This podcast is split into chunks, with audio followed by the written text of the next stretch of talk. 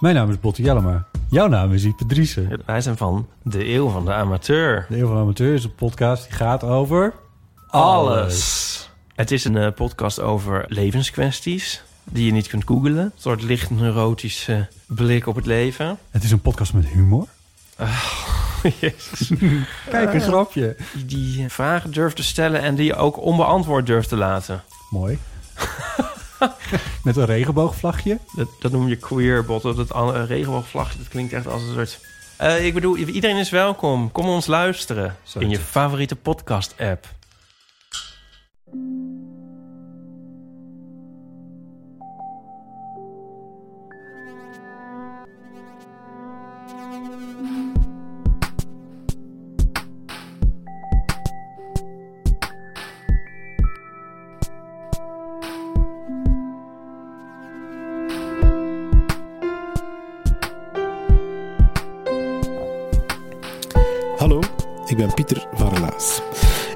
In Relaas hoor je waar gebeurde verhalen en die worden altijd verteld door de mensen die ze zelf hebben meegemaakt. Dit verhaal gaat over een onthemingstocht. Ik had er nog nooit van gehoord van zo'n onthemingstocht, maar het blijkt een soort wandeltocht te zijn met een bestemming. En die bestemming is niet meteen een plaats, maar je moet denken aan een soort loutering, een soort bezinning, een fysieke beleving van een veranderende mindset. Philippe vertelde er dit heel boeiend verhaal over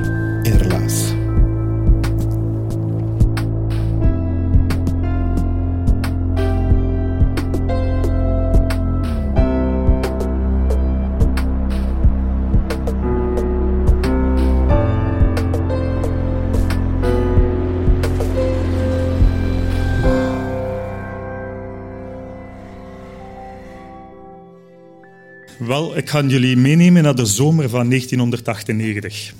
Ehm, ik heb nogal een problematische jeugd gehad en daardoor ben ik in de jeugdgevangenis terechtgekomen in Ruisleden. Daar zijn twee mensen gekomen en die vroegen aan mij: ja, wilt jij van Roemenië, Boekarest, terug te voet naar Leuven komen? Ik zeg, ja, waar moet ik tekenen? Zolang dat ik hier maar buiten ben uit dat kot, ik denk dat ik met mijn leven toch iets beter kan. Oké. Zo gezegd, zo gedaan. Heb ik eh, de mogelijkheid gekregen om te beginnen aan de voorbereiding van een tocht. De eerste tien dagen eh, leert je eigenlijk je materiaal kennen, leert je de je kilometers wandelen. Er was ook nog een andere jongere bij, leerde ik die ook een beetje kennen. Dus dat begon allemaal vrij vlot te verlopen. Na die tien dagen is het eh, eigenlijk een feest. Komen de ouders, komt de jeugdrechter en tekenen we een gans contract. En de dag daarna de vlieger op naar Boekarest. Dus ja, wij altijd wandelen, wandelen, wandelen. Doorheen Roemenië, doorheen Tsjekslo eh, Hongarije, Tsjechoslowakije. En daar begint mijn kniepijn te doen. Ik denk bij mezelf, "Goh, wat is dat hier altijd maar? Eh, ik raak er niet meer vooruit.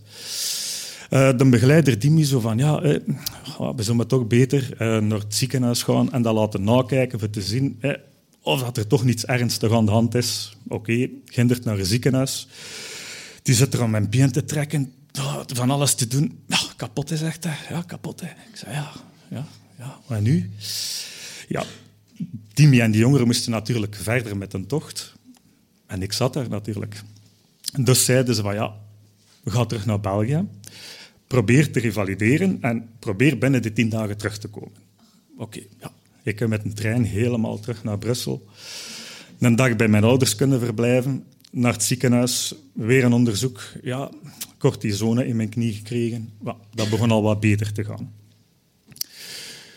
Nu, ik ben dan terug beginnen mijn eigen voor te bereiden en ik voelde van, oké, ja, dat begint hier te lukken. Ik heb wel nog een beetje pijn, maar oké. Op die moment dat ik eigenlijk de bus ging gaan nemen naar Praag, waar ik iets verder ging aansluiten met de groep, dan moesten er eigenlijk nog twee meisjes mee die een thesis aan het maken waren voor de hogeschool. Wij hadden die daarvoor al leren kennen in de voorbereiding. Dan eh, moesten we naar Dardenne ook een dag op klimmen om eigenlijk wat teambuilding te doen. En ze waren erbij. Dat klikte goed, dus oké. Ineens had ik de verantwoordelijkheid gekregen om met die twee dames tot de plaats te geraken waar we dan aansluiten aan de groep. Voor mij was dat een keer grote verantwoordelijkheid, als jongere dan. Zij waren al 21 jaar, dus ja, goed. Oké, in Brussel, kom elkaar tegen. We stappen de bus op. Uh, ja, ik had ik wat cadeautjes mee, ik had ik nog wat bier mee. Oké, goed. Wat verder zie ik daar een Hollander zitten, die had whisky mee. Ik oh, oké, okay, visje, oké. Okay. Het begon al goed. Dus, ja. Uh, ik had twee plaatsen in de bus, gelukkig. En ik was al een beetje aangeschoten en ik had me neergelegd. Nu ja, uh, tussen het nuchter zijn en het dronken, zullen we dan maar zeggen, hè, uh, dacht ik, ja, ik moet gaan pissen. Ja. En op een of andere rare manier heb ik uh, tegen haar been gepist. Ja. De buschauffeur was in zijn eigen taal toch een beetje aan het vloeken tegen mij, maar uiteindelijk, ja, ik kon er toch nog mee lachen. Oké, goed. We komen aan de grens met, uh, van Duitsland richting Tsjechië. En ja, in één keer komen die eruit al de broken, de mannen van de douane. Ja, paspoorten. Ik zei, oh, mijn reispas. Ai, ai, ai, die ligt nog beneden. En onder de bus in mijn rugzak. Dus ja, ik half dronken heb, hup, uit die bus, poef, daaronder, zoeken, zoeken, zoeken, zoeken. Ah, ik had hem gevonden, zei yes. Ah, ik laat die zien, die mannen zitten naar mij te kijken, zo van... Allee, het is goed, je ons land in, hup, een stempel, allee, goed. Wij komen aan in Praag. Daar moesten we ongeveer nog, denk ik, een 300 kilometer treinen, sporen. Nu, dat was geen trein, dat was precies een tram. Maar hij ging niet zo traag of een tram, maar ook niet zo snel of een trein. Dus het duurde wel heel lang. Maar uiteindelijk, ja, we komen aan op de plaats waar we moesten zijn. Ik vier. We hadden eigenlijk afgesproken dat we aan een kerk, aan een klein marktje. Dus ja, we komen eraan, we zitten er te wachten. Niemand te zien. Een uur niet, twee uur niet, niemand te zien. Ik zeg, ja, wat nu? Dat begon donker te worden. Ik zeg, ja zeg tegen die meisjes, weet wat, zetten jullie de tent op, ga ik hier eens rond gaan horen van ze daar twee pupus tegengekomen hebben met rugzakken uh, en een beetje eten zoeken. Hè. Dus ja, ik zoeken, zoeken. Niks te vinden. Ik zei ja. Er waren dan zo een paar migranten die aan daar werkten en die mensen hadden mij een beetje mee, eten meegegeven. Dus al, ja, ik was al content dat ik dat had. Ik ga terug naar die tent. Ik zeg ja, zeg, dat worden geen noppes. Uh, misschien komen ze morgen. We gaan maar gaan slapen. We staan maar op. Ik zei ja. Het is ongeveer een zes kilometer naar een groot dorp waar een telefoon was. Dus moest ik Gillans een berg oplopen. Ik zeg ja, kan ik dat doen? Blijven jullie hier, breek die tent af en ga een beetje eten gaan zoeken. Hopla, ik ga weg, hop, naar boven. Ik zeg ja, pak een kaart, die had ik daar gekocht. Ik zit daar naar te kijken. Ik zeg, allee, hoe kan dat nou? is staan twee dezelfde plaatsen op. Het ene is, ja, maar wij zaten echt een klein gehucht. En dat waar zij natuurlijk zaten, was toch wel al ver een stad. Dus ja, ik bel naar Oikoten, dat is uh, de organisatie die had, uh, die tochten organiseert. En ik zeg, Koen, ik denk dat je me niet goed gestuurd hebt. Hè? Ik denk het ook niet, zegt. Ja, jullie zitten ongeveer een 400 kilometer van elkaar zei, wow, ja, had jij er vandaag nog kunnen geraken? Ik zei, ja, uh, ik ga ik mijn best doen om, om dat te proberen natuurlijk. Hè. Dus ik heel aan zijn berg terug naar beneden. Die meisjes hadden de tent al opgekraamd en zo. Ik leg ons probleem uit. Ze zeggen, van, ja, weet je wat, we laten het dan nu over. Jij weet waar we naartoe moeten. Ja, oké, goed. Dus we vertrekken terug dat stukje wandelen. We komen terug aan aan die trein. Mijn handen en mijn voeten uitleggen toch wel naar we dan maar naartoe moesten. Uiteindelijk, oké, dat kwam in de chacos op die trein. Boemel, boemel, boemel. En zo tegen acht uur s'avonds kwam we eraan. Pak van mijn hart, Dimi en die jongeren die stonden daar. Ik dacht van, yes, oké, hier zitten we al goed. Ja, we verbroederen terug, dus al dat was een hele leuke moment. We moesten nog een zes kilometer wandelen. We zetten ons tentje op rustig slapen. De eerste dag dat die meisjes mee waren, was al een beetje goed gegaan. Dus ja. Goed. De tweede dag was echt wel heel slecht weer, maar ja, dat kun je ergens binnen gaan, rustig in de warmte gaan zitten en dat was dan ook heel gezellig. De derde dag kwamen wij aan op een heel grote weide en in de verte hoorden we muziek. We dachten van, ja, hier gaan we overnachten.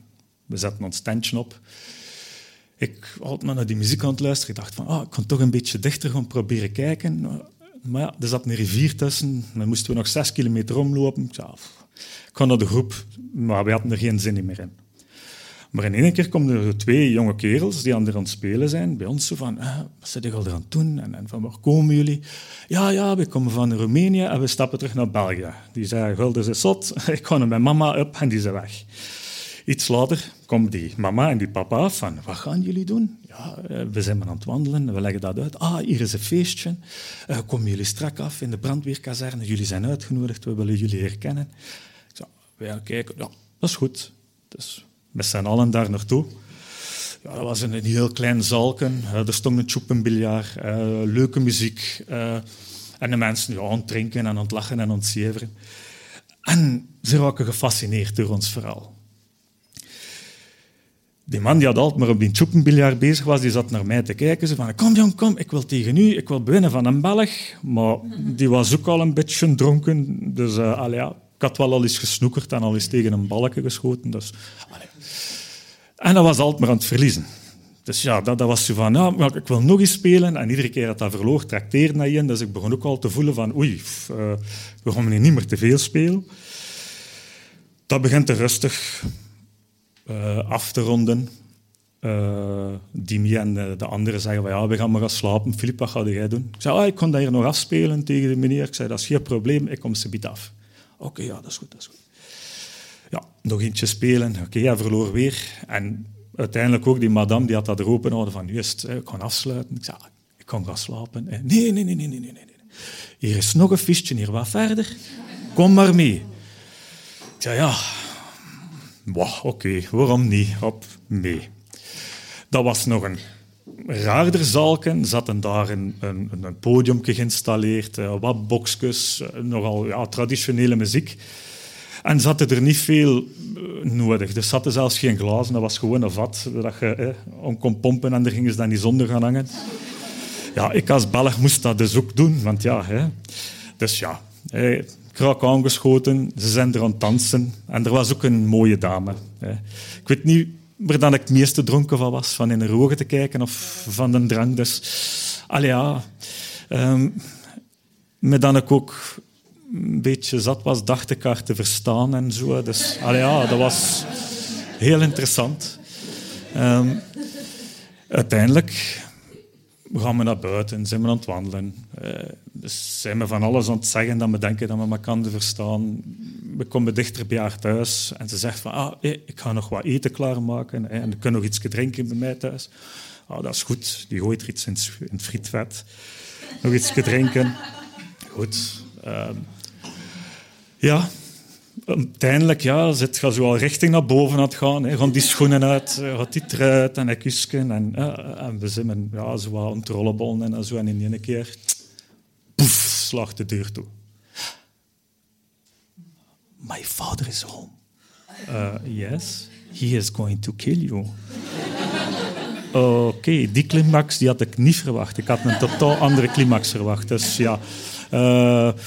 ik zei, ja, langs die trap kan ik niet. Wat moet ik doen? Ja, het raam open en door het raam gesprongen en hop, gaan lopen. Ik dacht, ja, uh, wat moet ik nu doen? Uh, ja, ik stond hier nu wel een paar kilometer verwijderd van die tenten. En we staan die tenten alweer al? Want die man die hem eigenlijk naar hier gebracht, wow, ja. Ah, wacht, mijn tent staat aan een spoorweg, dat weet ik. Goed. Ik richting die spoorweg, kom die tegen. Nu links of rechts? Hmm, we gaan rechts. Oké. Hopla, ik moest wel een deel naar omhoog op dat spoor. En hier naast mij was eigenlijk allemaal rotsgebied met bomen. En hier beneden waren allemaal struiken en, en van alles en nog wat. Maar het was ook al serieus donker en daar hebben ze niet zoveel lichten. Dus ik kan maar wandelen, wandelen. Ik had een klein pitslampje mee. En in de verte zie ik zo twee lichtjes. Verder wandelen, wandelen. Ze komen dichter, dacht, hmm. of terwijl is dan een trein, of terwijl, ja, maar ik kon hier toch niet. En die kwam altijd maar dichter, die was heel snel, dus ik moest al van dat spoor springen. Dus ik val er nog beneden, bam, bam, tegen een boom, tussen de struiken, tegen een steen, baf, ineens aan een tuin. Ik ben mezelf even uh, terug ja, bij je aan het trappen en aan het denken van, oh, uh, wat was dat hier? Komt er zo een oude madame en een oude meneer uit dat huis? Zo. Die kijken zo, die kijken ze naar elkaar. Ik zeg, ja, uh, ja, ja, Belg, Belgica, Belgica, we weten het, ziet daar. Dus die, die had ook op dat fiche of daar rondgehangen, die wist dat er Belgen waren. Die ondersteunt me zo'n beetje, kom, ziet daar, ik breng je wel naar je tent. Ik zeg, ah, dank je, dank je. Dat was eigenlijk nog een vijf minuutjes, tien minuutjes. Oké, ik kom aan in mijn tent, ik leg me in mijn slopzak. Ik zeg, yes. Een paar uur later, de Dimi, onze begeleider. Ja, gasten, opstaan. Ik schiet wakker. Oh. Maar dat ging allemaal al wat trager dan de rest. Ze zijn alles aan het inpakken en aan het doen en op. Ze zeggen van, ja, gaan wij al iets verder iets gaan eten, of toch te zoeken voor te eten. Filip, je komt wel achter. Ja, ja, ja. alles aan het inlaan. Zei, wat is dat nou? Per zijn mijn schoenen. Zei, dat kan toch niet? Terug alles uit die rugzak. Zei, dat is geen woord, hè. Wat heb ik gisteren gedaan?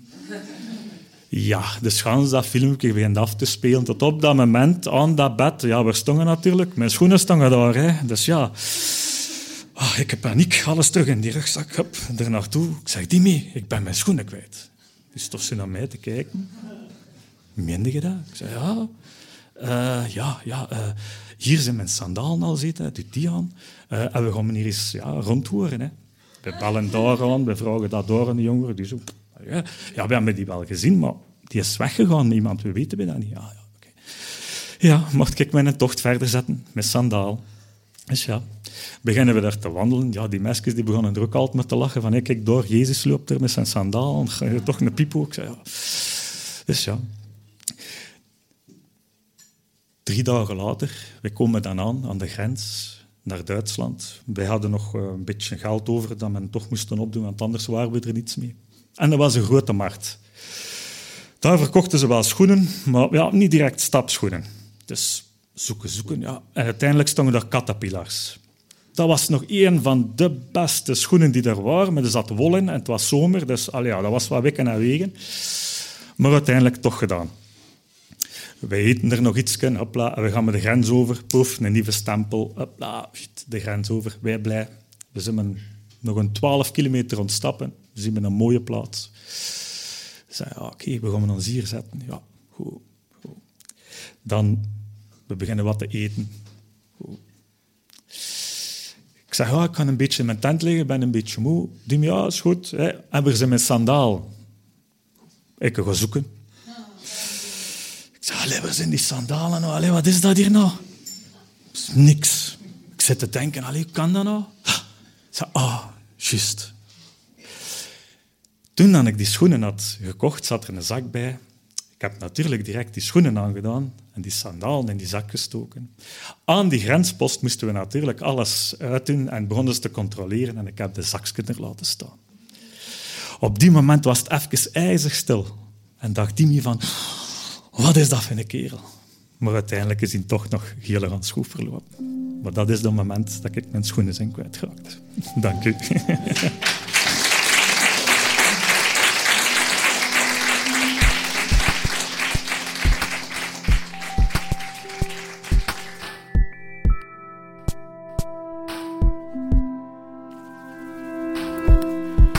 Dat was het relaas van Philippe.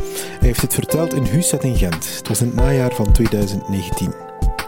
Het verhaal van Philippe is trouwens meer dan 20 jaar oud, maar hij vertelde het alsof hij het gisteren had meegemaakt. Zo straf. Misschien heb jij ook wel zo'n strafheldenverhaal dat je 20 jaar na datum nog altijd navertelt op café of bij vrienden of familie. Als je het met ons wilt delen, dat zou fantastisch zijn. En ik beloof het je, je staat er niet alleen voor. We hebben coaches bij Relaas, dat is eigenlijk de kern van Relaas. Mensen die verhalen coachen en die helpen om jouw verhaal helemaal vorm te geven. Uh, op het einde kruiden ze dat samen jou af.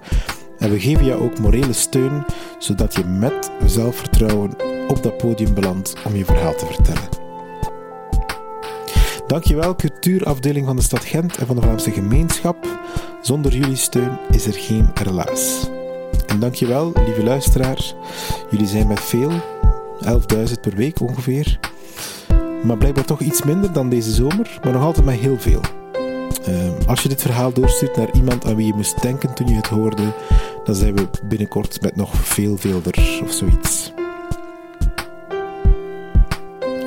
Bedank ook het team van Relaas en ik haal er ook elke week iemand uit die we in de bloemetjes zetten. En deze keer is dat Dieter. Dieter is een van de oprichters van Relaas. Zonder jou, Dieter, waren wij er niet. Bedenk dat even. Hm? Blij dat je zoveel moeite in ons stopt, echt waar. Dank je wel. En jij, lieve luisteraar, bedankt om te luisteren en tot volgende week voor een nieuwe Relaas.